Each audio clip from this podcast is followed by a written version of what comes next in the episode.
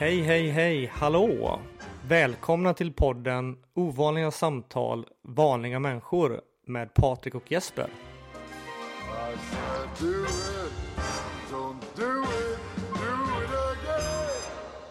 Idag ska vi prata om ett ämne som är ganska känsligt. Eh, river upp ganska mycket känslor. Eh, det finns mycket åsikter. Och eh, det vi ska prata om idag är våld. Och eh, jag lämnar över till Jesper här. Ja, alltså det här är ju så spännande så det är inte klokt. För det första så är det ju vårt första riktiga avsnitt. Det är ju inte längre e- ett intro för dig och mig utan nu har vi ju vår första gäst och nu, nu, eh, nu är det ju klart. Vi är igång. Det är, Yay! Ja, det är toppen. Yay! Eh, vi har ju sett den här våld som livsstil. Vi kan väl lägga ut en länk i, i slutet. Men det är en dokumentär som handlar om och tar upp våldet ute på gatan. Mitt eget liv har ju innehållit väldigt mycket våld till och från eh, på olika sätt. Eh, hur, hur har det sett ut för dig, Patrik? Ja, det var ju, om jag bara får kommentera det du sa där precis, det lät ju ganska spännande och lite läskigt kanske till och med. Du har haft mycket våld i ditt liv, men eh, det ska bli intressant att höra vad du, vad, vad det du ska ta upp där. Om jag ska ta lite kort bara. Jag var mobbad när jag var, när jag gick i lågstadiet och mellanstadiet och skulle jag väl säga något slags våld mot mig och eh, då när jag blev det så jag blev ganska våldsam och eh, hoppade på folk och började bråka med dem för att ja, jag, jag kände mig utsatt och det fick en del att, att bli ganska rädda och inte fortsätta mobba mig och en del eh, jag, jag, jag hoppade ju till och med på en del som var en tre, fyra år äldre än mig. Och då fick jag ju stryk ibland själv också så att eh, ja, jag, jag har aldrig varit en våldsam person och jag har aldrig varit så här, alltså, intresserad av att, av att bråka med människor eller provocera fram någonting. Så att i det stora hela så skulle jag inte säga att jag har, har upplevt så mycket våld i mitt liv. Mm. Med tanke på att vi kommer att prata om gott och ont våld. Om man nu faktiskt kan klassificera det som gott och ont. Eh, vilket vi kommer fram till sen senare. Men det som hände dig. Eh, du blev mobbad. Vilket i sin tur gjorde att du hoppade på eh, mobbarna. Skulle du klassificera det som ett ont eller ett gott våld? Ja, så min spontana tanke är väl att jag tycker att, att det var ett slags självförsvar från min egen del. Mm. Men om man går lite djupare och kanske även är lite kritisk mot mig själv så fast att jag inte var speciellt gammal. 7, 8, 9 år när det började liksom så då är man inte gammal men eh, så det är väl klart att eh, jag hoppade ju på en del människor. No, alltså någon fast att de mobbade mig så kanske de mer ville skoja lite med mig. Men jag såg ju inte skillnad på när någon, ja, när någon försökte vara lite lustig eller när någon liksom på allvar försökte trycka ner mig. Så att det är väl klart att eh, jag, jag var väl ganska bra på eh, och brottas och så. Och En hel del av dem som jag hoppade på eh, åkte, ja, eller blev ju ganska ledsna och så. Det är väl klart att, eh, att det var ont våld också. Jag, jag, jag skulle säga att jag har lite svårt att säga att det är det ena eller det andra utan att det från min sida är det väl gott men från någon annan, den som blir utsatt för våldet från min sida, den upplever nog det inte som no något annat än ont. Mm. Sen en tredje person då, det är väl det som är intressant vad, vad den utomstående tredje person skulle klassificera mitt våld mot de här personerna. Alltså vad, vad de skulle säga. Och även då vad den personen skulle säga om själva mobbingen. Nu är det väl ganska givet kanske. Det är väl ingen som skulle säga att mobbing någonsin är något gott. Så att det är väl ganska givet att det är ont. Men även den tiden som den här personen, tredje personen kommer in tänker jag. För i och med att vi har ett samtal med Jonas där han tar upp precis det. Att den tredje personen kan också se det som gott eller ont beroende på var in i den här fighten som personen dyker upp.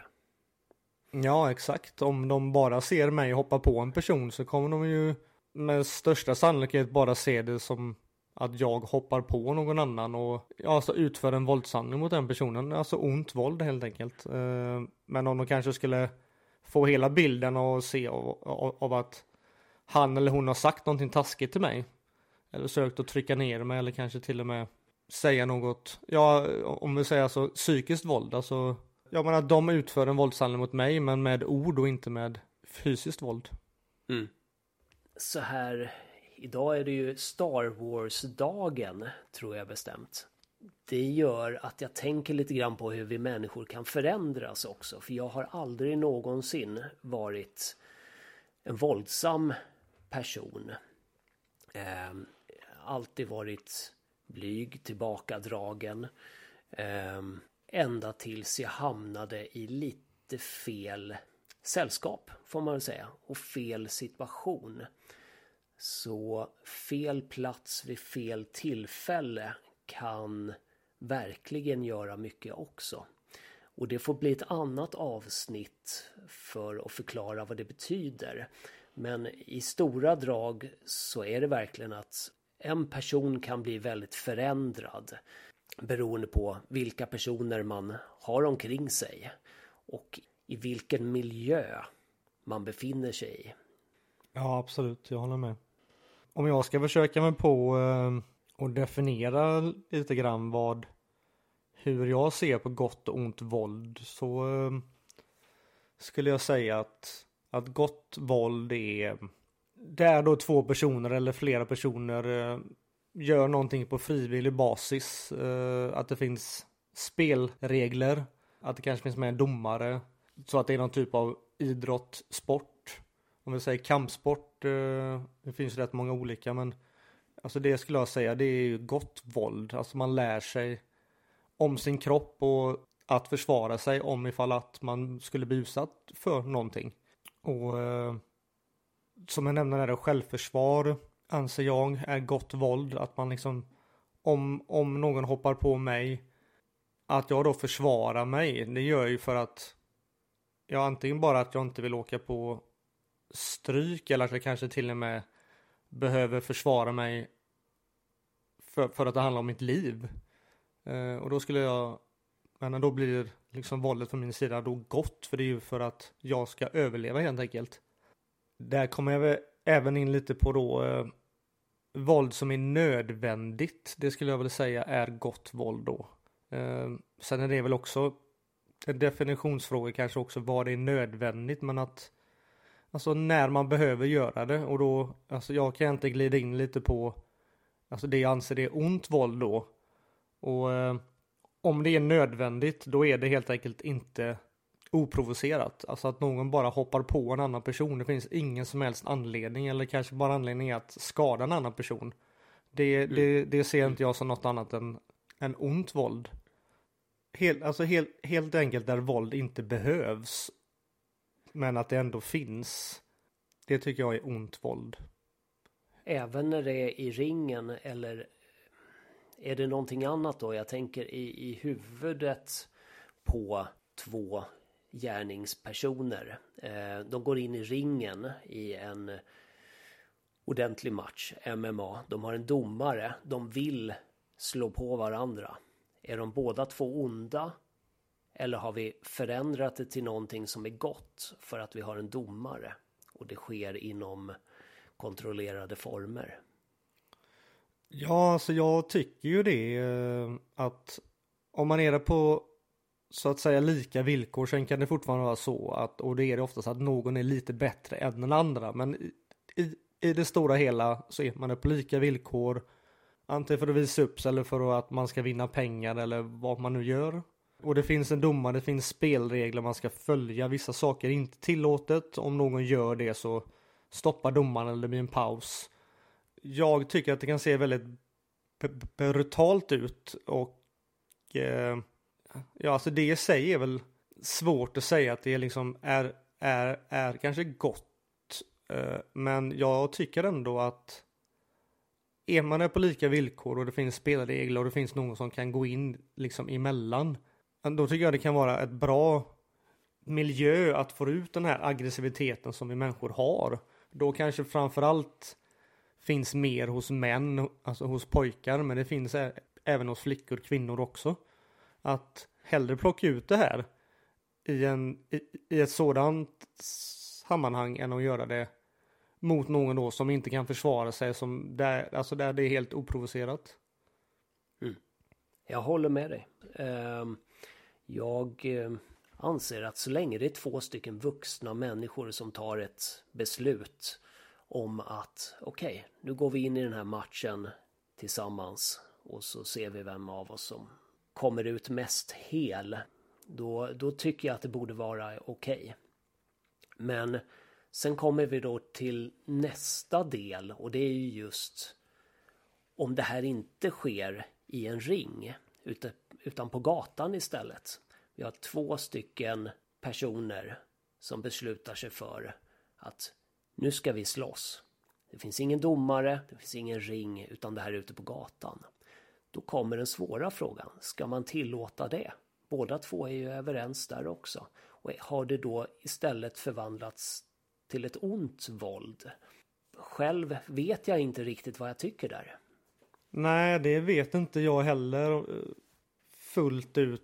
Men jag har ju svårt då, alltså trots att jag då eh, har suttit här och berättat att jag hoppade på de här människorna som mobbade mig när jag gick i låg och mellanstadiet. Så har jag eh, alltså ändå väldigt svårt att relatera till de här människorna som bara går ut och möts på ett ställe och, och, och pucklar på varandra. Jag, jag, jag, jag vet inte om det har att göra med att det känns som att de är inte där kanske på lika villkor allihopa. En del är kanske dittvingade. Det här är bara en eh, spekulation från min sida. Jag vet inte exakt hur, hur det är. Alltså jag har inte pratat med varenda människa som gör det här. Så att det är, ja, det är helt enkelt en spekulation från min sida. Men det känns inte riktigt som att människor är där på lika villkor. Att kanske inte alla vill vara, vara där ens. Ja, ja, alltså på något sätt när det är en ring och det finns en domare och det finns spelregler så känns det att de här människorna, de lämnar det där. Alltså de gör det där och lämnar det där. Eh, och det här är också en egen spekulation, alltså en egen tolkning. Men de här som är ute och, och fightas på gatan i den dokumentären som vi har sett och även i andra fall där, där man har hört och så de här människorna tenderar ju även att inte bara utföra våldet i den situationen utan även mot oskyldiga. Och då kan de inte kontrollera det och det går ut över andra människor. Och det är, det är väl kanske för att det inte finns spelregler och att en del av de här människorna egentligen handlar det kanske inte så mycket om att de vill fightas eller att de behöver få ut sin aggressivitet utan det handlar om helt andra saker. De mår dåligt helt enkelt. För om man tar den här eh, dokumentären som jag har tittat på. När man sitter och lyssnar på de här eh, männen, pojkarna. När de sitter ner och pratar och när de kanske förklarar varför de antingen då vill fightas mot andra gäng eller varför de hoppar på oskyldiga människor så kan de inte riktigt förklara varför. Och eh, en hel del av dem berättar om att de själva blivit utsatta för våld eller att de eh, har liksom växt upp i olika miljöer där det funnits våld eller någon förälder eller syskon har utsatts för våld. Ja, att det har skapat någonting hos dem där de inte relaterar till eh, andra människor på annat sätt än genom våld. Och då är det ju liksom, alltså då kan de inte kontrollera då eh, de gör det av, alltså av helt andra anledningar än någon som till exempel håller på med MMA där, där man oftast Ja, alltså det handlar dels om att man kanske vill tjäna pengar för att man har det som sitt yrke, men oftast eh, men i grund och botten om, om, om man säger från första början så handlar det om att man skulle mäta olika, olika kampsporter mot varandra. Judo skulle mätas mot, om vi säger typ karate eller jujitsu och så skulle man se vem som skulle vinna. Eller en boxare eller en brottare. Helt enkelt för att se liksom vilken av de här som är bäst. Och det som sker ute på gatan har oftast aggressivitet bakom sig. Och det är oftast därför, tror jag, som det blir sådana enorma skador för att då har du inte längre kontroll. Ja, jag håller med. Många tror nog att vi har kommit längre än vad vi har. Och de personerna ser nog slagsmål och våld som en väldigt primitiv lösning på ett problem som man kanske istället skulle kunna prata om. Men jag tror inte att det är så. Jag tror att vi fortfarande är djur på ett eller annat sätt. Jag tror vi behöver ha våld på vissa sätt, men i kontrollerade former. En del människor behöver nog det mer än andra kanske också. Men så, alltså, men så Ja. är det ju att vi är olika in, individer. Jag ville nämna det också att eh, en av anledningarna till att vi gör indelningen ont och gott våld. Det är för att vi vill visa på att det finns eh, så många olika sorters våld. Och att det är svårt att säga rakt upp och ner vad som är positivt, negativt med våld. Eh, vad, vad, vad som är ont och vad som är gott. För att en del saker kan förändras över tid och som du nämnde där innan att, att det kan bero lite på i vilken situation en, en tredje part kommer in. Ja, man har inte fått he, hela kontexten och då är det svårt att liksom förstå varför en person gör en viss sak. Ja, absolut. Så, som du säger, det här med tiden eh, är ju väldigt viktigt också. Tittar man på de mest aggressiva människorna så är det tvååringar.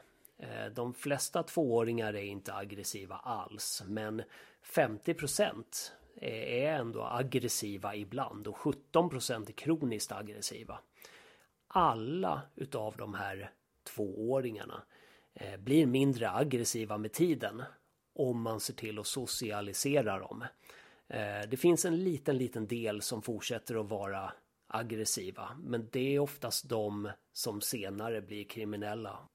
När du säger det här nu så visar det ju på det här att det vare sig man vill erkänna det för sig själv eller vare sig man tror på det eller inte så om det kommer upp våldsamt liksom beteende hos en tvååring, alltså så pass tidigt i livet och då menar jag inte att det är liksom en tvååring för du säger att det finns hos större delen av alla tvååringar så det är inte så att det är bara tvååringar som lever i en alltså aggressiv hemmamiljö utan att det är ja, att det är väldigt vanligt hos alla tvååringar så är det ju någonting som finns i oss, alla oss människor. Vi har ju med oss en gäst här idag som vi hade tänkt att prata om eh, myndighetsvåld med och även lite egna upplevelser gällande våld.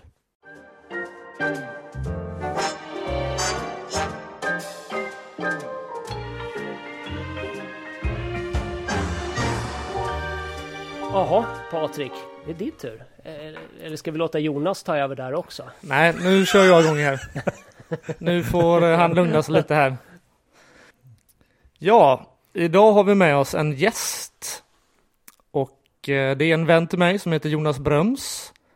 Och vi har känt varandra sedan 94. Jesper känner Jonas lite grann också. Men jag tänkte att Jonas skulle få presentera sig själv. Vem han är, om han har någon business kanske, vad han jobbar med. Ja, det han vill dela med sig av helt enkelt. Ja, uh, ja nu, numera jobbar jag som uh, systemutvecklare och frontend-utvecklare på ett uh, företag. Men jag har jobbat med allt från sålt godis på fängelser. Eh, jag eh, lagligt som entreprenör. Ehm, Vilken jag- typ av godis? ja, precis, precis. Eh, jag har jobbat som webbdesigner, ordningsvakt, kameraassistent. Jag har väl varit sån, jag är väl entreprenör ute i fingertopparna och vill testa saker och ting, se hur det funkar. Rest ganska mycket i mitt liv också, eh, bott runt om i världen. Eh, numera bor jag på Cypern. Det är kul, kul att, få nya influenser och perspektiv på livet. Eh, Och det får man, tycker jag i alla fall, när man är ute och reser och får Ja, se hur, hur onormala, onormala vi är i Sverige. Men eh, jobbade du där i godisaffären innan du var eh, ordningsvakt? Eller var du Ja. ordningsvakt innan? Eh, Jag blev ordningsvakt eh, långt senare faktiskt. Eh, Så jag jobbade där och han till och med sluta där. Och anledningen varför jag kom in och blev ordningsvakt, det var väl för att jag, jag blev... Jag drev bolag tillsammans med min bror och blev... Ja, jag blev blåst på en affär på ganska så mycket pengar. Några hundratusen när man har fakturerat och sådär så fungerar ju skattesystemet så att de ser det som en intäkt. Så då ska ju det skattas på dessutom. Så då skulle jag skatta på pengar som jag inte hade fått. och tid då som jag dessutom har lagt ner. Så jag, jag, låg, ju, jag låg ju back. Eh, pengar, resurser, tid. Eh, sådär då. Så eh, ordningsvaktsgigget blev ett sätt för mig att på något sätt hålla mig ovanför ytan. På, ja, på ett plan i alla fall. Så då kunde jag ställa mig i dörren på olika nattklubbar och jobba där. Och sen jobba på mitt vanliga gig då samtidigt. Så det var, ja, det var väldigt slitsamt. Det är ingenting jag rekommenderar någon att göra. Eh, jag, då, då måste jag komma in på den här frågan då. Har du velat bli polis någon gång? Aldrig. Aldrig någonsin. Och efter att jag blev ordningsvakt. Så om det fanns någon form av liten så här barndomsdröm om att bli polis eller brandman sådär. Den dog ännu mer när jag blev ordningsvakt. Okej, för, för ofta så säger man ju det att nej, men ordningsvakter det är bara poliser som inte kom in på eh, polishögskolan. Misslyckade poliser. Jo Precis. tack. Ja, Den, ja. den, Jesper den vill bara meningen- pika lite folk där. Den meningen har jag hört många gånger. Ja, av människor som jag har nekat. Eller på annat sätt. Jag tänkte även eh, om du ville göra lite reklam för eh, några av dina nuvarande projekt. Du är ju entreprenör som sagt och du har ju din anställning men jag vet ju att du driver lite olika projekt. Eller ett framförallt.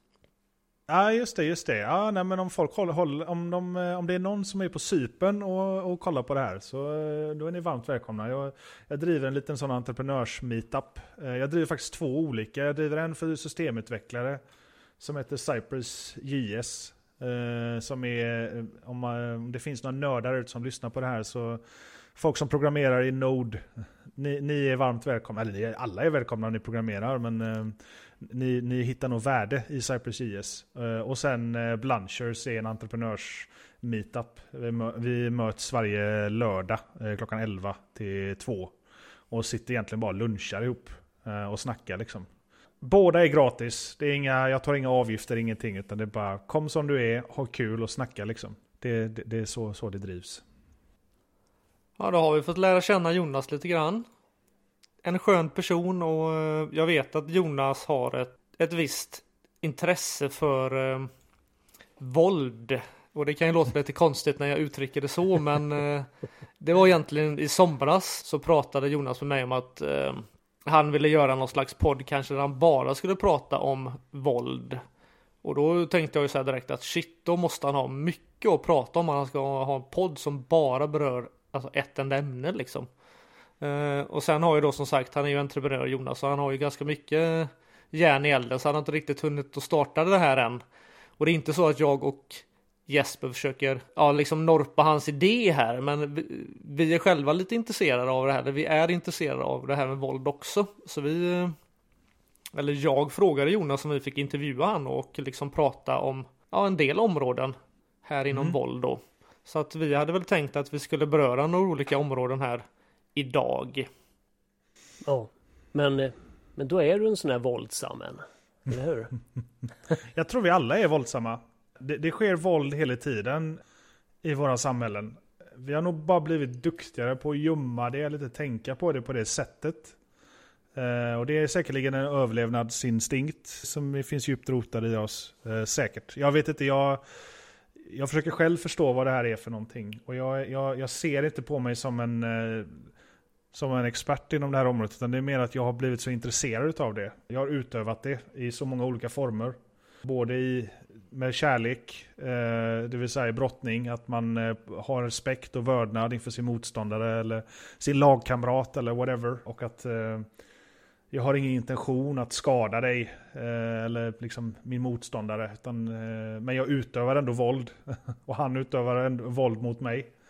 Ehm, sen, ja, jag har gjort det i, i form av ordningsvaktsbiten och där är det ju inte liksom, det kanske är, det är ju definitivt inte kärlek bakom det eh, när det utövas.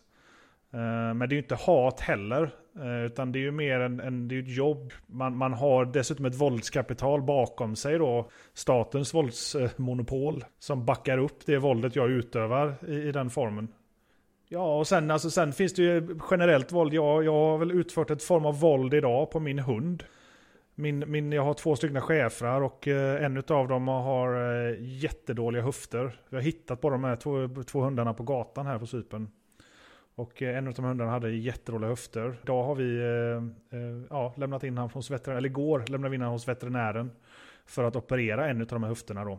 Och det är ju ett... Han var ju säkerligen inte medveten om vilket våld vi, vi som skulle utföras på honom så att säga. Men det våldet har ju utförts på, på ett sätt med, med, med kärlek från våran sida i alla fall. Och en intention att han ska ja, kunna gå och ha ett bättre liv. Eh, för att vi har ju märkt att han har ju ont liksom. Och han är ganska ung, han är bara två år. Så att, Men eh, den, den kärleken som, som den, den måste man ju kunna applicera även på, på vaktyrket i så fall. Om man vänder på det. För att du, du gör det ju faktiskt för att skydda andra människor. Ja, absolut. Absolut. Men jag, tror, eh, eh, om man säger allmän, allmänhetens uppfattning av det våld som, som man utför exempelvis i ordningsvaktsyrket. Det görs ju definitivt med en, en, en eh, man vill skydda allmänheten så att den här personen inte går hem eller går till bussen och tar ut det våldet eh, som den innehar kanske på någon annan och helt oskyldig. Och som dessutom inte kan försvara sig. Så att eh, visst, det finns ju definitivt någon form av eh, kärlek till, till samhället. Där vi alla ska kunna gå omkring och, och eh, känna oss säkra. Eh, och känna en trygghet. Med det sagt så ska ju inte ordningsvakt eller polis och sådär ha fria möjligheter till att utöva sitt våldsmonopol heller. Det, det är väl en, en stor balansgång det där. Nej, Alltså det finns ju lag, alltså vi har ju lagar och regler att följa som de då ska alltså, upprätthålla men de har ju själva också lagar och regler och ramar att hålla sig inom. Mm. Ja, inför det här samtalet så har jag försökt att läsa upp lite, för nu var det ju länge sedan jag jobbade som ordningsvakt. Det var väldigt, väldigt länge sedan. Det är säkerligen åtta år sedan något sånt där, som jag var aktiv. Jag, jag, jag gick igenom lite ordningsvaktsrapporter som jag har skrivit genom åren. Eh, och för jag försökte hitta en incident som jag, som, eh, det, det, var, det är en incident som faktiskt, eh, den tog styggt på mig. För att det var så enormt mycket våld. Från så många olika plan. Allt från, jag vet inte, naturens våld till människans våld. Och, och, och det, det, var, det var en incident som Ja, jag, den utspelade sig på, på en nattklubb som jag jobbade på. Eh, det var stängning. Och vid den här stängningen så, så observerade jag, jag har ordningsvaktsrapporten här bredvid mig så jag läser lite innantill. Eh, men då var, då var det en individ som jag, eh, jag observerade att han var väldigt, han, han uppträdde väldigt konstigt. Och sen från ingenstans så började han bara springa. Och det är sällan ett gott tecken i en ordningsvakts ögon. Så jag, jag springer efter. Eh, och jag jobbar själv och det är väldigt sällan man gör det som, som, som ordningsvakt. Eh, just för att man är ju i underläge. Eh, redan från, från dag ett egentligen, eller från, från sekund ett där. Men jag, jag springer efter och, och observerar då att han kommer fram till en bil. Och på det här stället så är det, för det är en ö som den här nattklubben ligger på, så får det, det är bilförbud. Och där står en bil parkerad. Så jag undrar ju först och främst, hur har de fått dit en bil? Och varför står det tre andra väldigt, väldigt berusade människor kring den här bilen? Eh, de, eh, de tänker köra den här bilen eh, i det tillståndet de befinner sig i. Och de, jag står liksom en, en meter från dem för att visa min närvaro. Just att begå nu inget brott för då är jag ju tvungen att ingripa liksom. Men de, de sätter sig i bilen och visar liksom att de tänker köra. Så då öppnar jag dörren och så säger jag liksom att snälla gör inte det här. Eh, för då är jag tvungen att ingripa. Utan bara gå hem. det här är en ö, allting är gångavstånd, gå hem. Och förklarar för dem eh, att jag kommer annars gripa dem då enligt eh, RB 24.7 som är rättegångsbalken. Eh, kapitel, vad är det? Kapitel ja, 24, eh, sjätte paragrafen. Eh, och det, det, är en, det är en faktiskt lag som alla kan åberopa. Det är väl det amerikanerna brukar hänvisa i filmer, liksom civils arrest. Att, det, liksom, det kan man ju även som privatperson. Men det, det, är en hel del saker och ting som måste uppnås för att man får lov att, att åberopa den lagen. Det vill säga att det, det ska finnas eh, fängelse i straffskalan och lite andra sådana här saker. Som, så, men jag rekommenderar varmt att kolla upp den. Det kan vara bra att känna till den lagen. Och jag, jag, jag informerade dem ganska tydligt, för då var jag väldigt påläst på just lag, lagbiten. Eh, eh, och de bad väl mig på ett ganska så ohövligt sätt att dra dit peppan växer. Och sen stänger de dörren och sen så går det väl några sekunder och sen så startar de bilen. Eh, och då så här förklarar för dem att nu griper jag dig. Du har begått brott nu liksom. Och sen utspelar sig en ganska så lång brottningsmatch mellan mig och alla de här gärningsmännen. Där de är, de är, ja de är väl tre då. Där alla står och slår på mig. Och jag är inte så himla intresserad av, jag är bara intresserad av föraren då som jag anser har begått ett brott här i den här situationen. Eh, så jag försöker bara gripa honom och fängsla, sätta handfängsel på honom då. Eh, vilket en ordningsvakt får lov att göra, ska vi se här, genom polislagen 10. Jag har det här vid sidan. Jag är så duktig jag så kan det här utan till efter så många år. Men, men, jag, men eh, jag rekommenderar alla att kolla upp de här lagarna för att det, det, är ganska så, det är viktiga lagar liksom. För det är det vi utsätts för. Så att säga. Det, är det, det är det här våldsmonopolet, när man pratar om våldsmonopolet så är det ju detta man menar. Det är ju sällan vi får läst det i skolan. Eh, så att vi vet ju liksom inte, vi, vi är ganska dåligt pålästa, alla medborgare. Eh, till slut så slutar den här brottningsmatchen med att jag, för jag, jag vill minnas att jag drog batong och slog batong flera gånger. Blev av med min batong för de var ju fler än mig. Så att de drog den ur handen. Jag, liksom, för jag hade ju folk bakom mig i ryggen då liksom, och när man slår så kan man bli av med den. Och sen ja, brottas vi upp på någon gata där. Och jag försöker använda så lite våld som möjligt i den situationen, vilket kan låta ganska knasigt. Men jag är ganska stor eh, och de, de var ganska mycket kortare än mig. Men till slut då så på något sätt får jag nog och liksom inse att nej, jag, det här, jag får använda ganska mycket våld nu för att det här ska lugna ner sig. Så jag, jag försöker få ner honom på backen och det är sten, sten eh, vad heter det, sån här kullersten. Eh, han landar ganska så dåligt. Jag tror han, antingen om han drar sin handled ur led eller om den är... Men han, han skadar sin handled i alla fall ganska så allvarligt. Och jag får på han hand, handbojor. Och sen ligger han där och gråter och då kommer barpersonalen till mig och säger att vi har ett problem inne på klubben. Eh, och då säger jag att jag har ett problem här. eh, och det här är ju väldigt tragiskt. Alltså, jag skrattar nu för att jag, det är en ganska, alltså, det är en väldigt, väldigt tragisk situation. Eh, så jag skrattar mer för att jag är lite nervös och eh, jag behöver återuppleva det här. Men så till slut då så, jag får eh, barchefen att se över gärningsmannen som jag har packat ihop. Och så springer jag in och då har en gäst under stängning, under min brottningsmatch, haft så roligt och varit så inte närvarande i sin egen, eh, i verkligheten. Eh, så att eh, han har ramlat över ett staket, landat på huvudet och spräckt upp hela skallen. Och ligger och blöder ut över hela dansgolvet. Ja, jag vet inte riktigt. Så här, jag kände det, det, var lite så här, det var som en film alltihop för mig. Eh, jag står där liksom och bara, det, det är ganska mycket blod. Eh, och det är ganska stort dansgolv. Så att om det ser ut att vara mycket blod på ett stort dansgolv, då, då är det mycket blod alltså. Och, och, det är sällan bra när det kommer från ett huvud. Men eh, lyckligtvis så, så eh, känner jag en av gästerna eh, som jag umgåtts med. Eh, och jag vet att den personen är liksom hyfsat så här, kan vara närvarande i sådana här situationer. Så att han bara, I got this.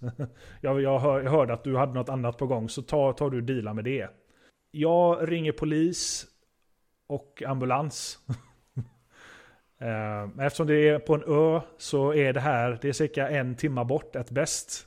Eh, så ehm, ja, de skickar brandkåren för att ta hand om, om gästen på, på dansgolvet.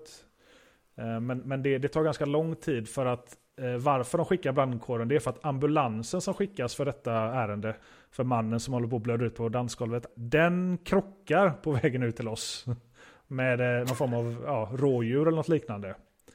Så de är med om en massa våld som liksom är ett resultat av det våldet som utspelat sig på det här dansgolvet då. Så de skickar Det, sen... det är ses- hemskt. Jag, jag sitter ju här och, jag sitter ju här och, och skrattar till, men det, det är ju fruktansvärt. Men, Ja, men visst. alltså det låter ju som Det är helt absurt. någon, ja, Det är en helt absurd situation. Helt absurd. Mm.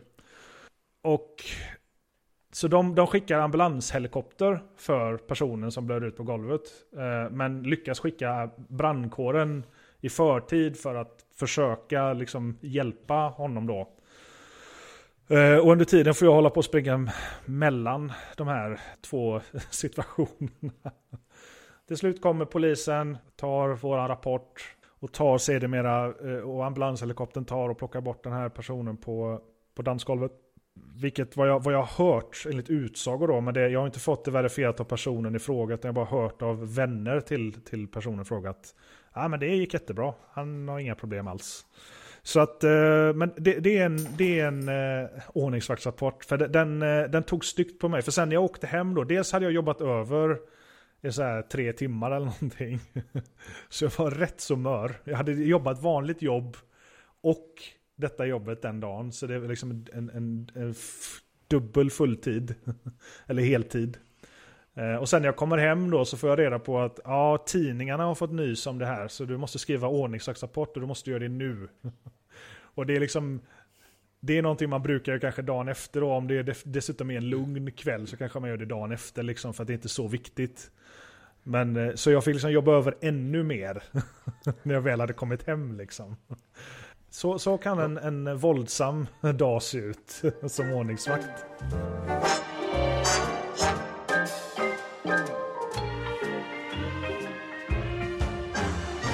Jag tycker det är lite våldsamt när folk kallar en eh, glåpord och, och, och projicerar massvis med, med dumheter som, som inte stämmer.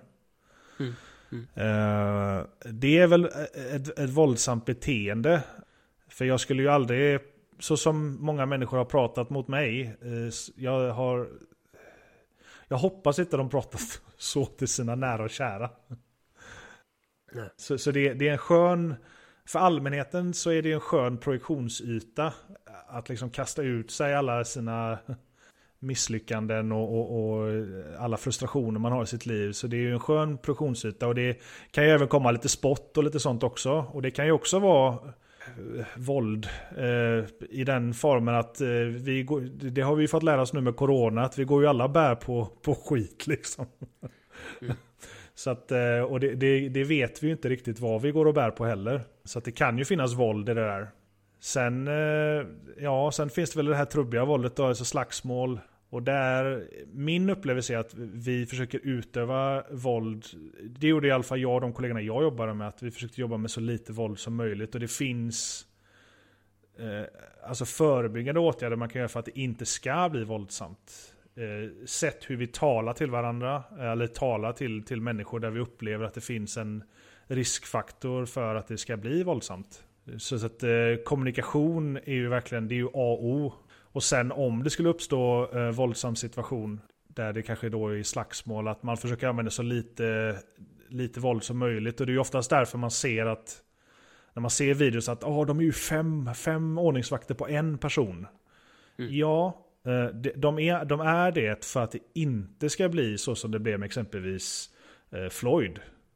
Eh, de utbildar ordningsvakter att man ska vara så många som möjligt för att ha ett överläge, för att kunna hålla koll på gärningspersonen, för att säkra upp så att inte folk runt omkring begår brott eller försöker vara våldsamma. För att om man tittar på situationen exempelvis med Floyd, som för övrigt är en fruktansvärd situation. Eh, eh, jag ser liksom att det är en person som håller ner en ganska så stor, för George verkar ju vara en ganska så stor individ. Han var enorm. Eh, eh, fysisk individ liksom. Och att vara en person på en sån det, det, de- de utbildar liksom ordningsvakter så att inte vara det. Du ska vara minst tre liksom. Som dessutom var, hade mycket droger i sig. Ja, jo, jag, jag, jag kan inte svara för det. Jag har försökt att eh, förstå. Men, men eh, som sagt, man ska inte vara en person. För att om vi tittar på den situationen exempelvis då där vi går tillbaka till den situationen vi pratade om alldeles nyss med mig. Så var jag ensam. Eh, jag kan säga med en gång, hade vi varit tre ordningsvakter där så hade vi, hade vi fått ner honom på, på, på marken ganska så fort. Satt handfängsel på honom och han hade inte behövt skada sin handled. Helt övertygad om det. Och vi, vi hade sen kunnat liksom deala med eh, de övriga gärningsmännen. Eller gärningspersonerna då, eftersom det var ju en kvinna med i det gänget också. Mm. Och de hade kanske till och med inte eh, vågat om ni var mer än en då. Alltså fast att du var stor, större än dem. Så känner de ändå, nej men vi är tre. Och han, nej men det, nej men det stämmer inte det han säger. Han, han vågar inte göra någonting. Men skulle ni vara tre. Då är det tre mot tre och plus att ni då säkerligen var bra mycket större också. Då hade man kanske kunnat undvikt hela situationen. Jag säger inte att resultatet skulle bli så, men jag säger att det finns ju en större chans att det skulle kunna bli så. Alltså det finns ju en sån situation då kan ju upplevas mer hotfull för att ni är, jag vi säger tre ordningsvakter. Men av den anledningen, alltså inte att ni är hotfulla, men det kan upplevas som att då för att ni är mer, ja då vågar man inte göra det som man kanske gör mot den personen. Alltså det var mer det jag försökte få liksom fram att Ja, nej, men alltså det finns ju olika anledningar till varför ni är många. Dels ska ni skydda varandra, dels har ni lätt att hålla koll på den, de personerna som är nere på marken. Alltså om man är tre stycken som håller ner en person, då behöver ju varje person hålla ner med mindre kraft. Och då blir det inte som med då här då med George Floyd att en person håller ner då för att han ska lyckas med det. Ja, alltså då måste han använda så mycket våld så att det blir övervåld så att det blir så att han inte kan andas. Och är, är man då fler så, ja. Ja, nej, alltså det, jag vet när jag gjorde lumpen så utbildade de oss att, att liksom, man ska helst vara, jag tror det var en styrka, om du möter på en styrka, så, för att du ska gå ifrån den konflikten med så lite, vad säger man, att du, du inte ska få skador eller dödsfall bland den gruppen du befinner dig i, så ska din styrka helst vara tre till fem gånger större än den ni möter på. Och sen finns ju den precis som, som du säger att jag vet amerikanerna gör ju det väldigt ofta i Afghanistan och så här att de, de, de gör så kallad show of force. Det vill säga att de visar att de har F16-plan och de har olika typer av resurser och visar det för sina motståndare att eh, ja, om ni inte lägger ifrån er vapnen eller gör det här så kommer vi liksom... Eh, så att det finns ju definitivt en... Att, att ha en, en, en våldsam vad ska vi säga, att visa att man har våldskapitalet kan ju också göra att det inte uppstår våld. Ja, det var det jag menade. Eh, Ja, det finns definitivt en poäng också att vara fler. Ja, nej, men den, den situationen, den, den tog styggt på mig faktiskt. Ehm, Det var många frågeställningar kring vad har jag gjort för val i livet för att hamna här? Har jag förtjänat det här etc. etc. Jag hade ju en liten följdfråga där på det eh, och det var att ja, du skrev ju en rapport. Vad blev liksom resultatet? Hade du agerat på ett, ett korrekt sätt? Alltså, det här blev ju aldrig någonting. För det blev ju ord mot ord.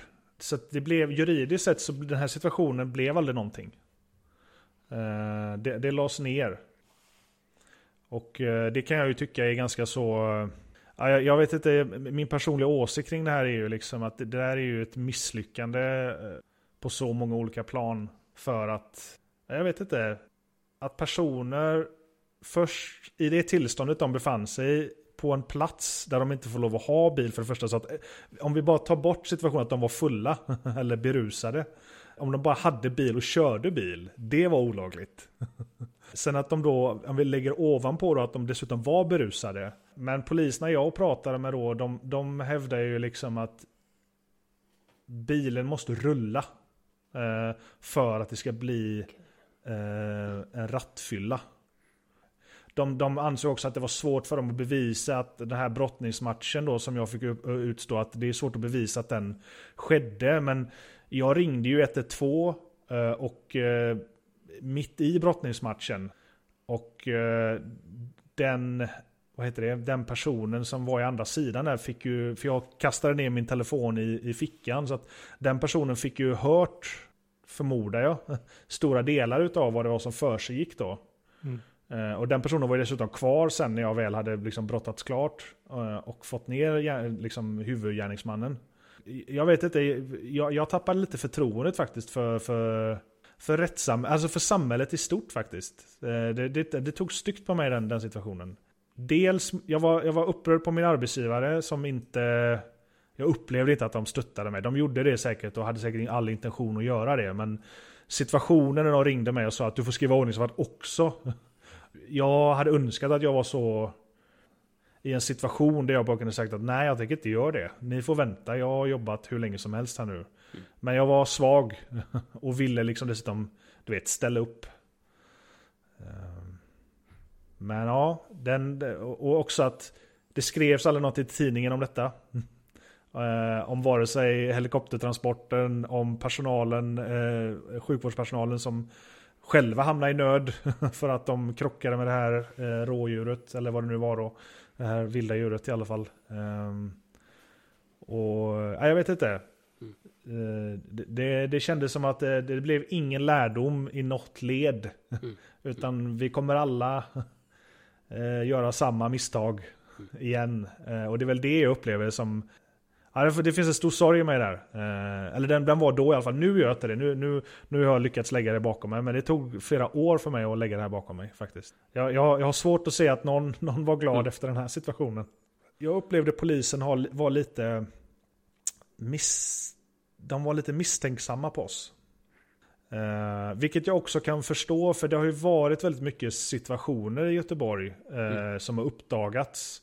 Där, ja, jag vet inte, gäster har blivit påpucklade i någon, någon, eh, någon källare. Och, och liksom, det, det har funnits, också det här med, det, det, det var väl någon, eh, jag minns inte, det var ju så länge sedan nu, men det, det var någon eh, handelsstudent tror jag med invandrarbakgrund eh, som eh, gjorde ett jäkligt bra initiativ där han eh, gick omkring i olika nattklubbar och försökte komma in. Han var välklädd Eh, och försökte liksom bevisa att eh, man kan inte komma in. Och har man invandrarbakgrund så kommer du inte in liksom. Och gjorde väl det här ganska så, så framgångsrikt då att kunna bevisa sin tes. Så att jag tror ordningsvakter överlag har fått eh, i Göteborg är mist, alltså polisen är misstänksamma mot dem Lite av en anledning också kanske. Jag vet inte. Det är svårt att säga. Jag gillar ju typ det amerikanska sättet liksom att eh, the government eh, is up to no good at all, always liksom. Mm. Och det, det håller ju mig in check då om jag jobbar för staten som ordningsvakt. Så liksom, du ska inte lita på mig. Mhm.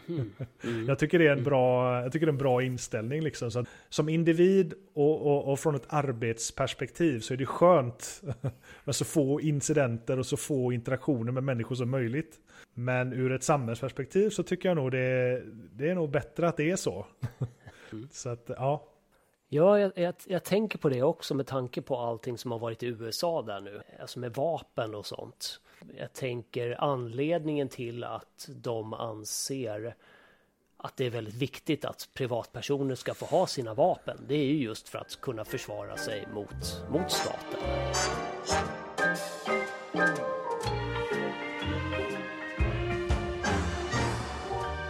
Det, det, det, det finns ju ett narrativ där ute, ett ganska så stort narrativ eh, om hur hemskt det här är och, och eh, liksom vilka rasistiska strukturer eh, det, det finns i USA som, som på något sätt möjliggör det här. Och jag, jag argumenterar inte alls emot det där. Liksom. Jag, jag, men, men jag tror jag skulle vilja nyansera den bilden lite grann också och även lägga till för liksom rasism är definitivt en stor komponent säkerligen i USA. Eh, inget snack om det. Eh, Men en annan stor komponent eh, som jag tycker mig missa i de här diskussionerna. För jag, jag menar, jag, eh, när jag såg den här incidenten med, med, med, med George Floyd, alltså jag, jag såg den flera gånger och liksom jag tittade på den ur, så- ur så många olika perspektiv. För jag tänkte så här, hur, hur, kan, ni, hur, kan, hur kan det bli så här? Det, det är helt ofattbart. Men jag vet också, om jag ska försöka inte bli så känslomässig utan gå till mitt intellekt och mina erfarenheter är ju att varje gång vi fick ingångsvärdet att eh, personen i fråga är förmodligen beväpnad. Så mängden våld vi gick in med i situationen var ju avsevärt mycket högre än att vi liksom um, om, det inte, om det ingångsvärdet inte fanns med. Mm. Och varje interaktion som polisen har i USA de, de bara förutsätter att personen i fråga har eh, en pistol på sig. Eh, därför så, så liksom, vad ska vi säga, deras när de går in, alltså sekunden det blir våldsamt eller det blir hotfullt så, så försöker man ju påvisa sitt. Eh, alltså man går upp flera, flera steg. Vi, vi kanske har flera steg så att säga, som vi kan nyttja i Sverige. För att det inte är så mycket eh, eh, vapen på gatan etc. Eh, men i, USA man har inte möjlighet till det liksom. För att eh, polisen vill ju förmodligen gå hem, komma hem levande. Och, ha- och känner dessutom eh, uppbackning av det våldsmonopol de innehar. Och, och det är en komponent tänker jag. Sen en annan komponent är ju att eh, polisen rekryterar ju ganska många personer från eh, USAs armé. Och där har man ju liksom, där utbildar man ju inte att du ska använda så lite våld som möjligt i en situation, utan tvärtom. Det, eh, om det är så att det ska utövas våld så ska ju det utövas ganska så massivt och gärna liksom med dödlig utgång för, för motståndaren. Eh, eller oskadliggjord i alla fall. När jag tittar på de här situationerna så ser jag en okunskap, en, enormt stor okunskap. Och en, en, en eh, både i våldsanvändning och rekryterings, alltså det är rekryteringskomponent, en, en kunskapskomponent och en, eh, för oss då som bor i Europa, en, en förståelse för att eh, de måste liksom utgå med jävligt mycket våld. Alltså tittar man typ på sådana här cops och de här så ser man det första de gör polisen oftast när de går fram till en bil. är- Det är att de, de sätter sin hand på, på bak, bakplåten. Det är för att visa, det är för att lägga ett fingeravtryck så att det, är, eh, det ska vara lättare att bevisa att eh, den här personen har haft en interaktion med den här polismannen eller kvinnan. Ehm, så att liksom man ska kunna tie it together så att säga om det skulle bli ett case. Eh, och jag tror alla, många sådana grejer, vi, vi pratar inte om det, vi vet inte om det. Eh, och därför så, så blir diskussionen så onyanserad liksom. Och den här rädslan för våld. För det är ju det som driver, tänker jag, mycket av hur folk agerar där. Och det kan ju definitivt blandas ut med rasism liksom. Eh, det är ju inget snack om saken och det gör ju inte saken bättre tänker jag. Så att jag vet inte, det hade varit intressant att se om man kunde om de kunde deala med den pucken också. Parallellt med eh, rasismkomponenten så att säga. Eh, och se om de kunde komma framåt på, på ett eller annat sätt. Det gör ju ont att se de här situationerna med, med ja, George är ju bara en av väldigt, väldigt många. Liksom. Jag, jag, jag tror det, det finns en ganska så intressant Ja, nu vet inte jag någon förespråkare av Fox News direkt, men de har gjort ett intressant reportage faktiskt. Eh, där det var en eh, präst i, eh, från en African American kyrka i, i USA som har varit liksom aktivist mot polis och polisvåld och, och det här. Och de fick han att gå med på att möta polisen och så som visa vilka situationer de får möta i sitt dagliga arbete. Eh, I en träningsmiljö då. Och de här situationerna uppstår ju, det går ju så fort. Det går så fruktansvärt fort. Och det är flera gånger som den här eh, prästen liksom använder ganska mycket våld snabbt. För att han känner sig hotad liksom. Och, och eh, trots att man är utbildad, trots att man kan vara eh, på något sätt beredd. Så, så när det väl uppstår, det går så jäkla fort. Var så närvarande i situationen att man så här, hmm, jag tar och gör så här. Alltså det, det är mycket reaktivt liksom och mycket kommer från träning kanske etc. etc. Eh, men att se, ha, vara så närvarande så att man hinner fundera på vad man ska göra härnäst. Det, det är liksom sällan, eh, så närvarande har jag sällan kunnat vara.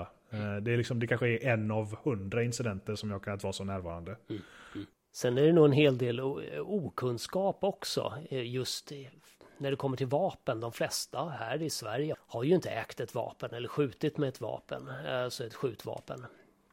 Eh, och, och tittar man just till pistoler, att försöka träffa någon i benet som kommer springande emot dig. Det är, du ska ha en jäkla tur om du träffar ett ben.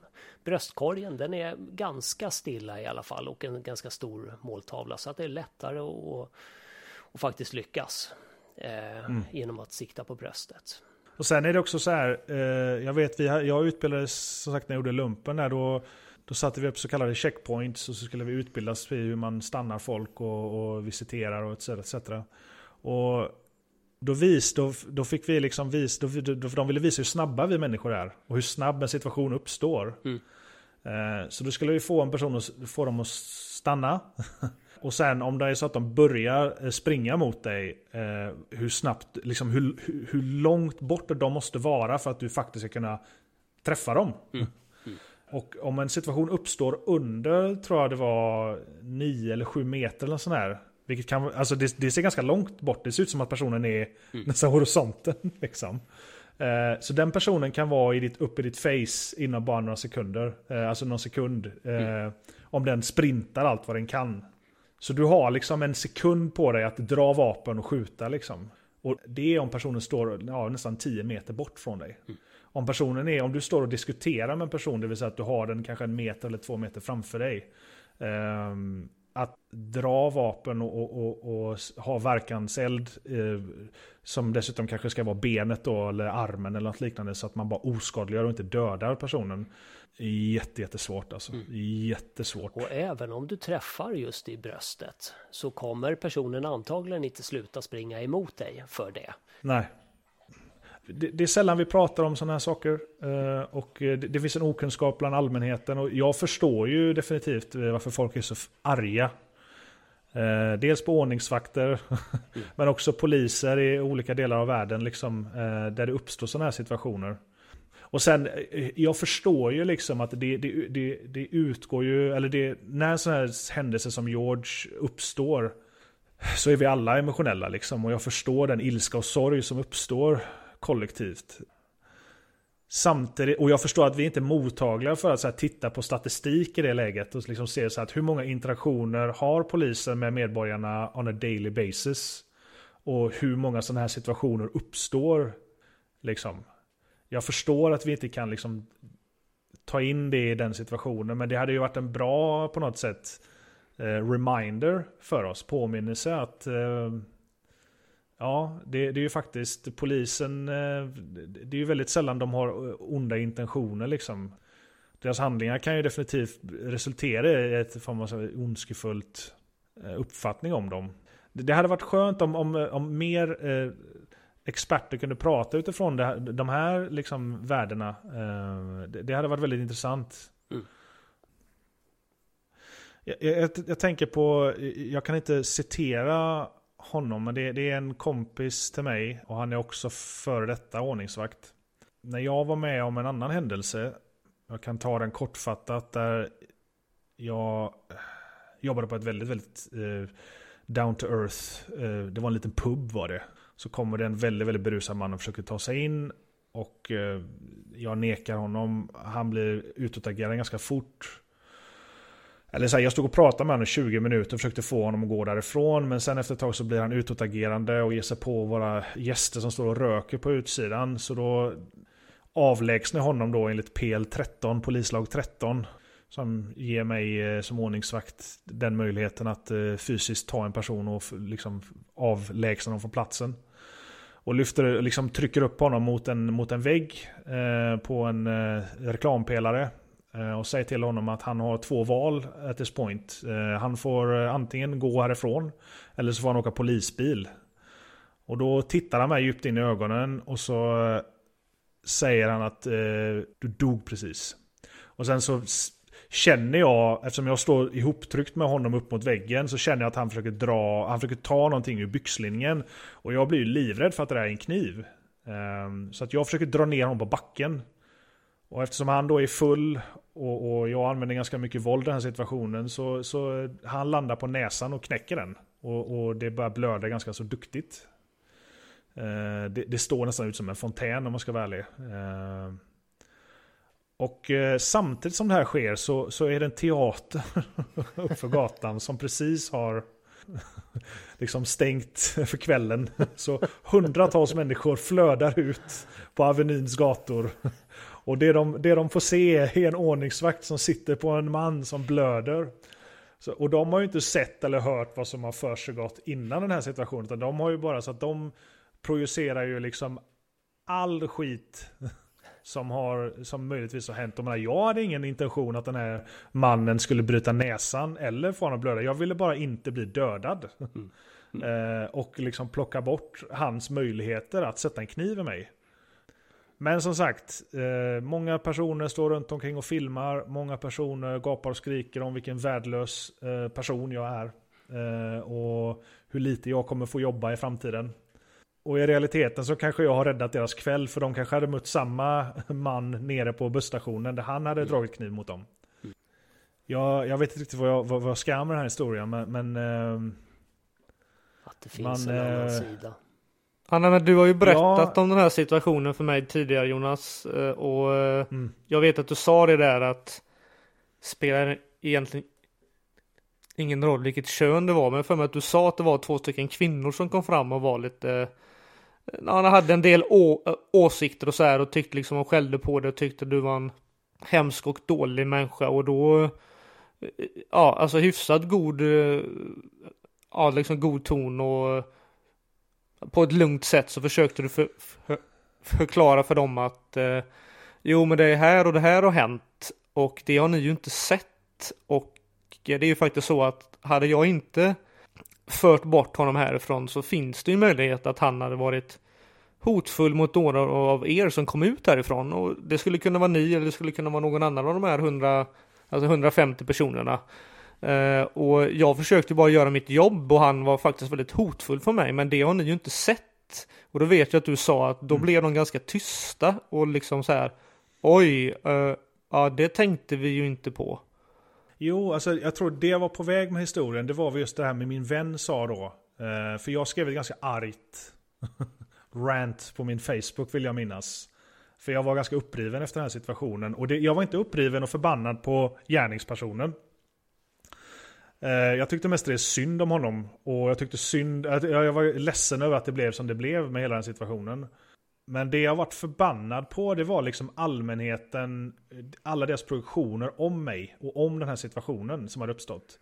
Att man kan dumma mig eh, så snabbt med noll vetskap om vad som hade försiggåtts. Mm. Och då skrev jag ett långt argt rant som man gör på Facebook.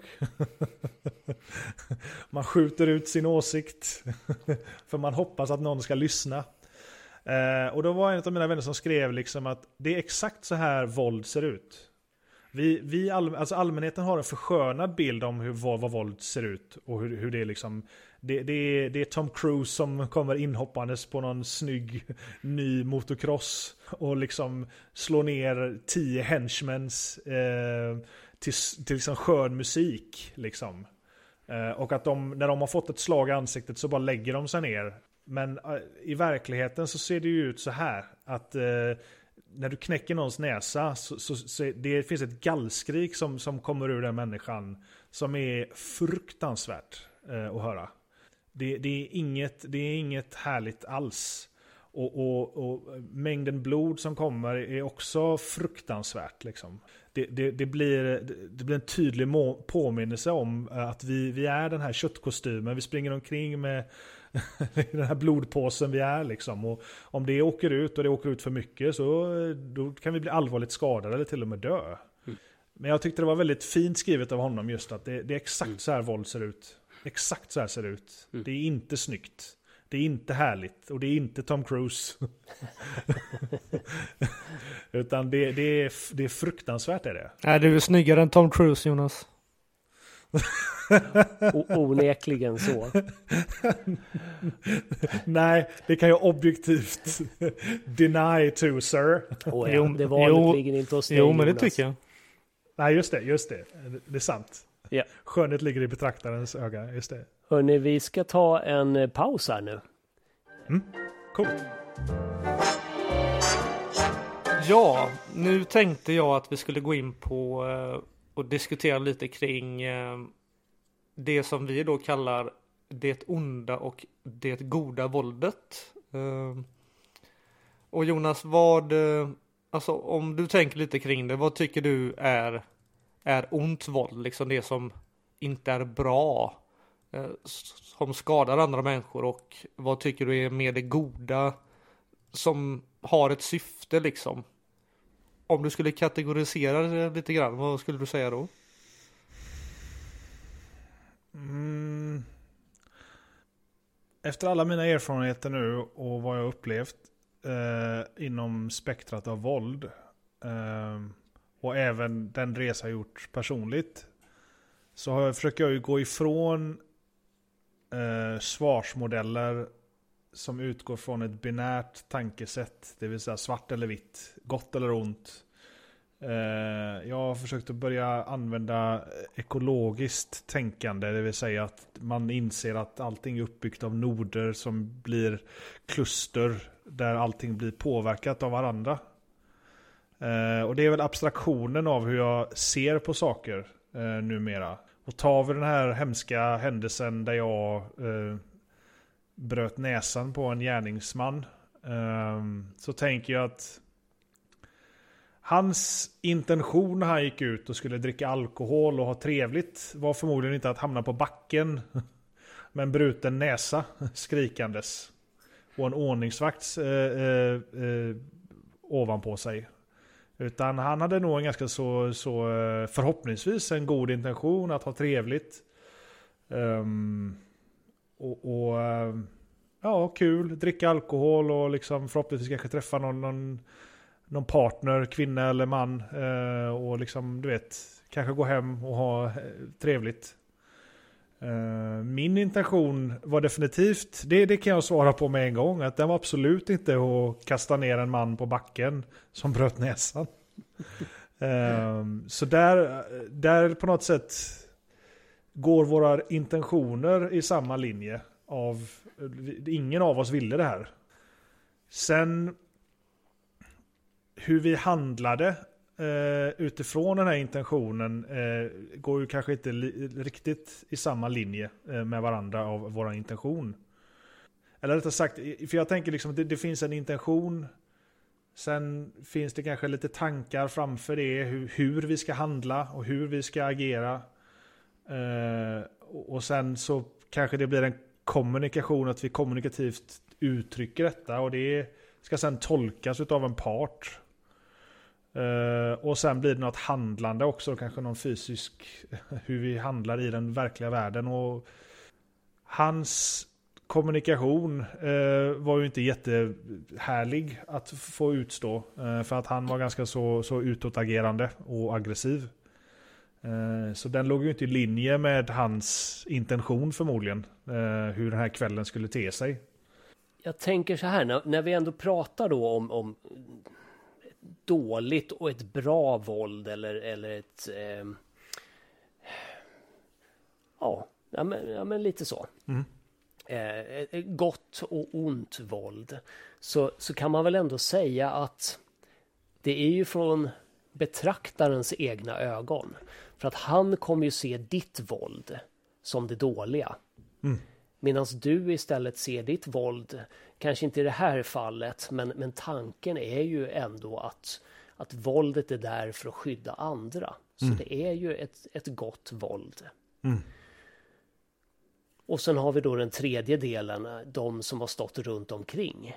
Mm. Som inte har sett hela förloppet eller har sett hela och, och vet bakgrund och allting. Mm. De ser det ju ytterligare också annorlunda. Mm. Så det här kan ju förändras väldigt mycket. Eh, jag antar att det inte är en fråga, men... men eh,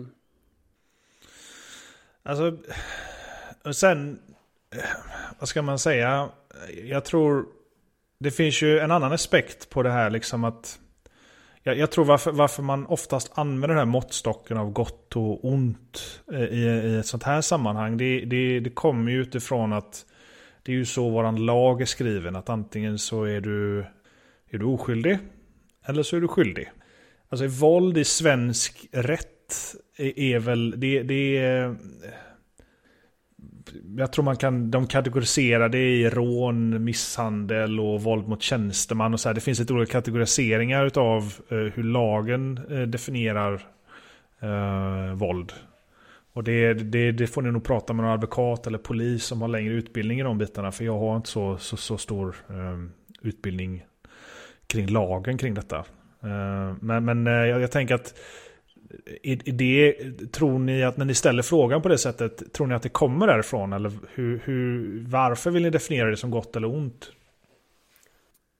Så som jag har tänkt lite kring då, även när jag och Jesper har, eh, när vi har pratat om det. Sen får du rätta mig om jag har fel här Jesper, men att Ja, så det blir ju väldigt så här, alltså två olika kategorier eh, och man säger så här, ja det här är gott, det här är ont. Eh, och vad är meningen med det? det? Alltså, jag har väl tänkt lite så här att att det goda våldet är något som är antingen nödvändigt för att eh, överleva, försvara sig själv, alltså självförsvar på något sätt. Det är ju fortfarande att eh, då utsätter jag någon annan för våld och jag kan ju då, om någon hoppar på mig och jag försvarar mig, ja, då kanske jag är så mycket bättre på det så jag skadar den personen jätteallvarligt. Eh, och då är det så här, mm. ja, då har det kanske gått över till att vara gott till att kanske vara ont också för att jag liksom gör för mycket. Men i det, men i det stora hela skulle jag säga att självförsvar, att försvara sig själv eller alltså sitt barn eller sin eller sin partner eller en vän.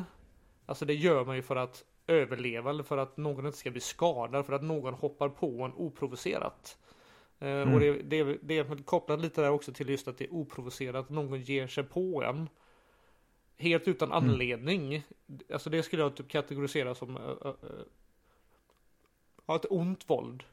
Och när jag försvarar mm, okay. mig så, så, gör jag det för att jag behöver försvara mig. Alltså skulle jag inte göra någonting så skulle jag kanske dö eller bli skadad väldigt allvarligt.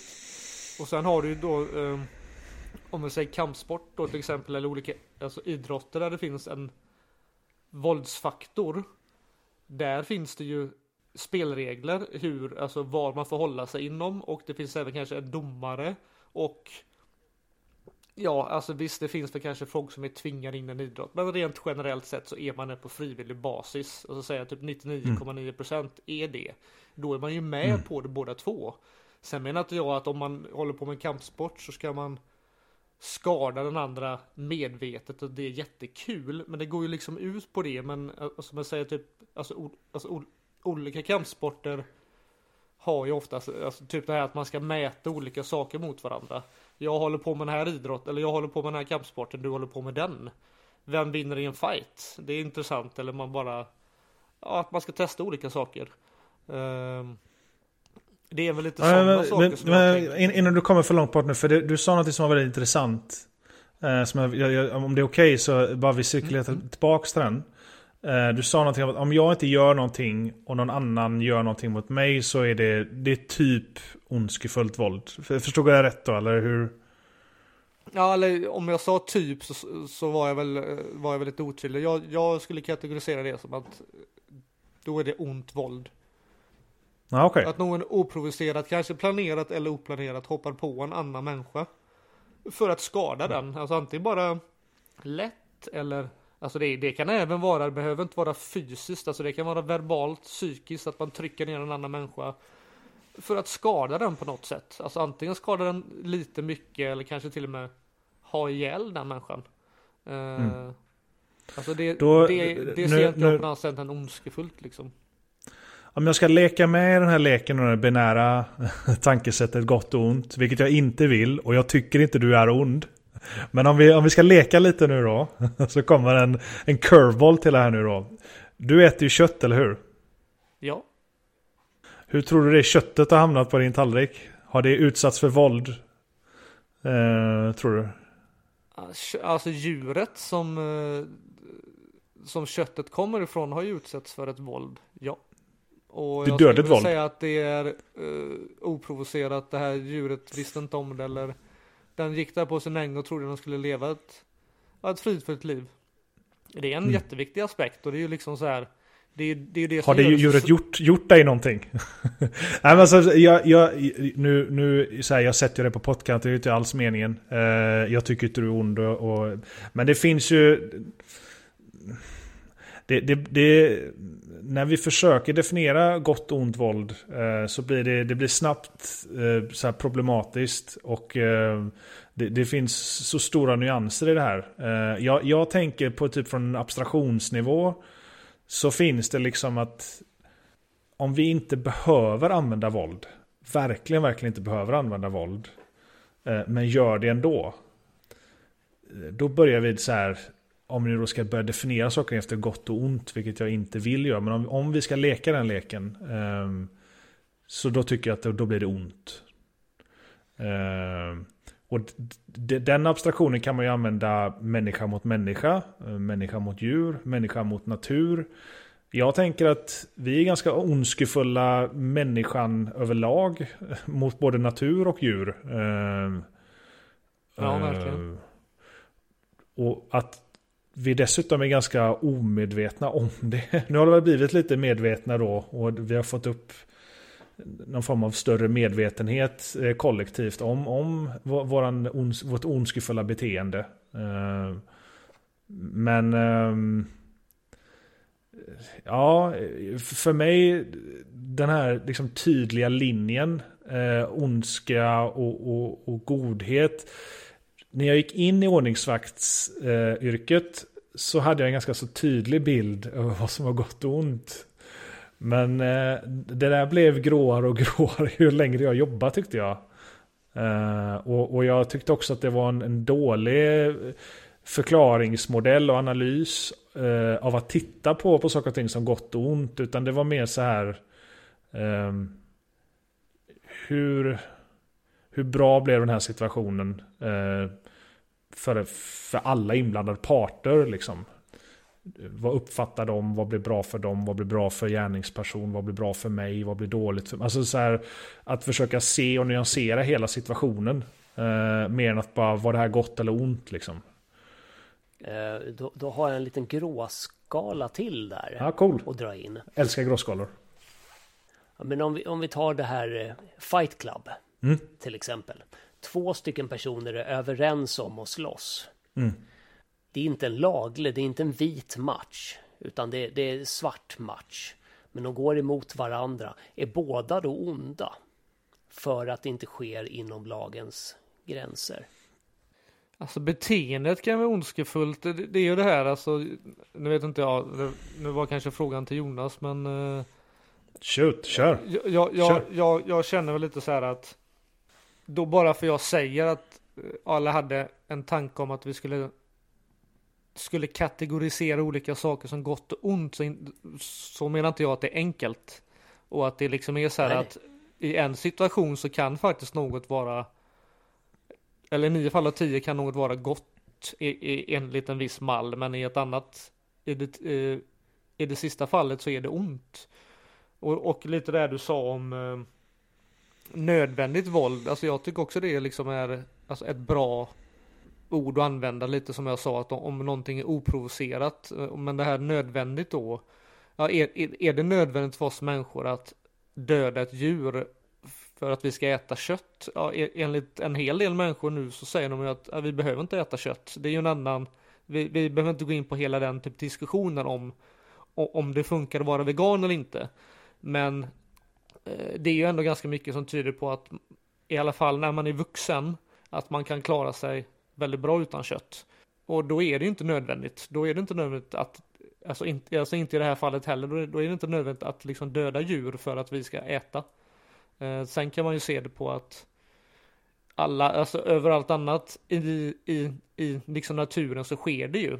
Så det, det är kanske meningen att det ska ske, men det ska liksom ske på en Alltså inte så storskaligt som vi håller på. Vi föder upp djur. Alltså som inte kommer typ naturligt alltså genom att djur typ fortplantas. Utan vi föder upp fiskar eller ja, kossor. Bara för, men, men, bara för att vi liksom ska äta upp dem sen. Det, det, det är ju liksom att dra det alltså till sin liksom yttersta spets. Så då är det inte nödvändigt längre. Sen är det också då, ja vi är så många människor på jorden. Vi behöver föda. Men å andra sidan så säger de att det finns ju föda för alla på hela jorden, bara att det är väldigt för, fördelningen är ju väldigt liksom dålig helt enkelt. Mm. Men om det, om det djuret håller, försöker äta upp min dotter då? Då måste det vara okej. Men det, där tycker jag, då, då övergår det ju till nödvärn. Nödvärn är liksom, det, det är en helt, det är nästan en helt egen podd. Ehm, f- för att, eh, Och det var lite det jag var inne på med självförsvar, nödvärn. ja. För det, det, det, det, där- är ju någonting som, det är ju ett väldigt spännande område. Eh, Det är nästan, det är ett helt eget avsnitt. För att, vad är det de har? Det, finns någonting som heter, eh, det är en lag som, som styr, och det här borde jag kunna nu. Eh, för jag har faktiskt försökt läsa så mycket jag kan här inför det här avsnittet. Um, propor- proportionalitetsprincipen tror jag det är. Eh, ja, jag ska inte svära på att den heter så, men, men det är någonting i stil med det. Eh, ehm, där får man ju som, eh, som tjänsteman då i, i, i, polis, eh, i polisyrket och som ordningsvakt. Jag får ju bara använda, eh, det är också ett så här roligt språk de använder här som jag inte riktigt kan nu bara för det. Men det är något så här, du får bara använda rimlig mängd våld liksom. Så att om jag griper en person så kan jag göra det med ganska mycket våld baserat på hur situationen ser ut. Men sekunden jag har fått på handfängsel och liksom hotet av, av gärningspersonen har ju liksom drastiskt gått ner. För att han, han eller hon ska skada mig i alla fall. Sen kan ju personen i fråga skada sig själv och det måste jag ju då eftersom jag då har eh, åsamkat den våld så måste jag ju se till så att de inte åsamkar sig själva eh, skada eller våld då. På grund av att jag har eh, gripit dem. Men det, eh, då får ju jag inte... Jag får liksom inte fortsätta använda den mängd våld som jag kanske gjorde för att få ner personen på backen. Eh, nu när personen eh, är... Det, det har någonting med någon sån här rimlighetsprincip eller eh, proportionalitetsprincip som finns inskrivet i lagen. Eh, vill jag minnas. Eh, jag är ute på djupt vatten nu för nu var det så pass länge sedan. Ja, men jag känner igen ordet propo... Jag känner igen ordet proportion där. För jag Mm. lyssnar på en del typ krimpoddar och sånt. Det, det är just det att Att det våldet du blir åsamkad Eller vad det heter å, Mm. Åsamkad att det ska liksom Det våldet du ger tillbaka får inte Överstiga en viss mängd då För då är det liksom inte nödvändigt Längre Precis.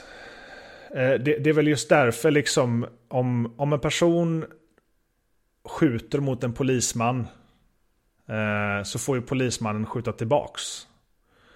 Men om det är tydligt att gärningspersonen kanske skjuter första skottet och sen kastar pistolen och springer därifrån, det vill säga ger hela sin ryggtavla mot polisen, så får ju polisen i det fallet inte fortsätta skjuta.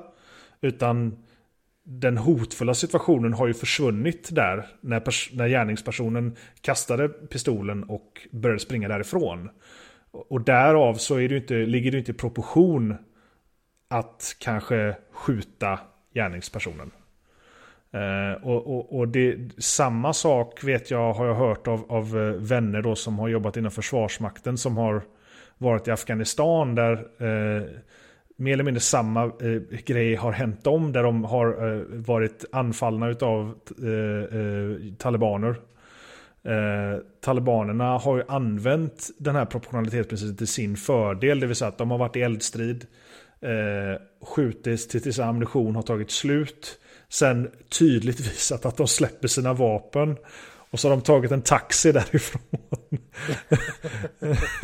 och, och enligt Genèvekonventionen eh, och, och alla olika liksom rules of engagement som man har inom militären säger ju då att eh, nu är det inget hot längre. Därav så får du inte skjuta eller bekämpa fienden. Eh, eh, sådär då. Så att det där går ju också att använda på ganska sjuka sätt som den här situationen på, påvisar.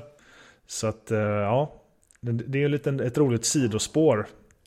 Eh, men och, och, och många tror ju liksom att det här övervåld, eh, det brukar ju folk skrika och gapa på ordningsvakter och poliser liksom.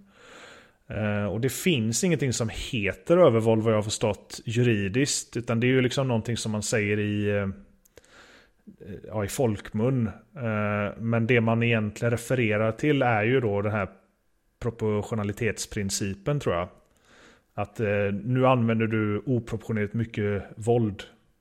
Det är inte lika god slogan som, som övervåld, tänker jag. Lättare att säga. Jag kan knappt säga proportionalitetsprincipen i en podcast när vi har hur mycket tid som helst. Så att, ja. Jag behöver släppa in min fru i sovrummet här nu. Bästa avslutningen på en podcast. Så jag tänkte säga, Patrik har säkert en, en snygg avslutning här som jag inte kan få till för jag har så jäkla många saker som jag vill prata om när det kommer till våld. Mm. Och jag som eh, tänkte att eh, att jag skulle kunna sortera många tankar med er här har nog om möjligt ännu fler tankar i huvudet nu. Så tack för det.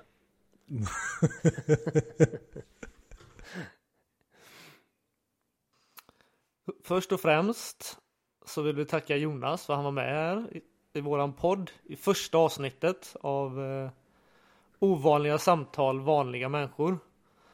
Och eh, vi vill ju att det här ska fortsätta så att eh, alla ni som lyssnar på det här, sprid det. Vi finns på Instagram, vi finns på Facebook. Du är hjärtligt välkommen tillbaka när, när det passande tid finns. Om det är något intressant ämne som du vill prata om. Jag kommer jättegärna tillbaks.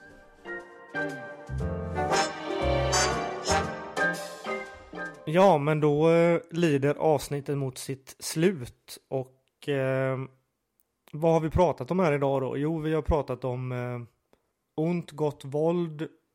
Vi har pratat med Jonas om myndighetsvåld. Vi har varit inne på lite egna upplevelser. Vi har lärt oss eh, en hel del av Jonas här idag och jag och Jesper har väl lärt oss en hel del också nu när vi har, har börjat att spela in och ja, dels att hålla ihop ett avsnitt. Att man inte flyter isär för mycket. Eller vad säger du Jesper? Enormt svårt. Väldigt lätt att, och, som du säger, flyta ut och tappa den röda tråden. För det är, det är ett svårt ämne. Våld är jättesvårt och väldigt, väldigt stort. Om ni lyssnare har några frågor eller funderingar gällande, gällande dagens ämne så eh, hör gärna av er. Antingen om ni har några frågor till oss eller om ni har några frågor till Jonas. Vi kommer komma tillbaka till våld i andra avsnitt och vi kommer även intervjua Jonas igen. Så att eh, har ni några spännande frågor så ställ dem till Jonas eller till oss. Så ska vi göra vårt bästa att ta upp dem i podden. De dokumentärer eh, som vi nämner i eh, avsnittet här, de kommer vi länka till i poddavsnittet för er som är intresserade. Våran podd finns där poddar finns. Och vi finns även på sociala medier. Instagram, OSVM, Patrik och Jesper heter vi där. Och vi finns på Facebook. Ovanliga samtal, vanliga människor, för och efter snack. Sedan har vi en hemsida. osvm.se Och avslutningsvis så eh, vill vi nämna att i vårt nästa avsnitt så kommer vi prata om leker pappor med sina barn. Har du något avslutande Jesper? Ja, Jag ser fram emot det.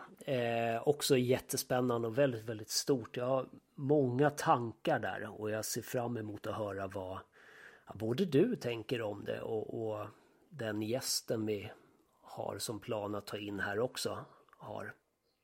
Och tack för idag Jesper. Det gjorde vi bra. Ja, det gjorde vi faktiskt. Tack själv! Ha det bra. Vi hörs. I said do it, don't do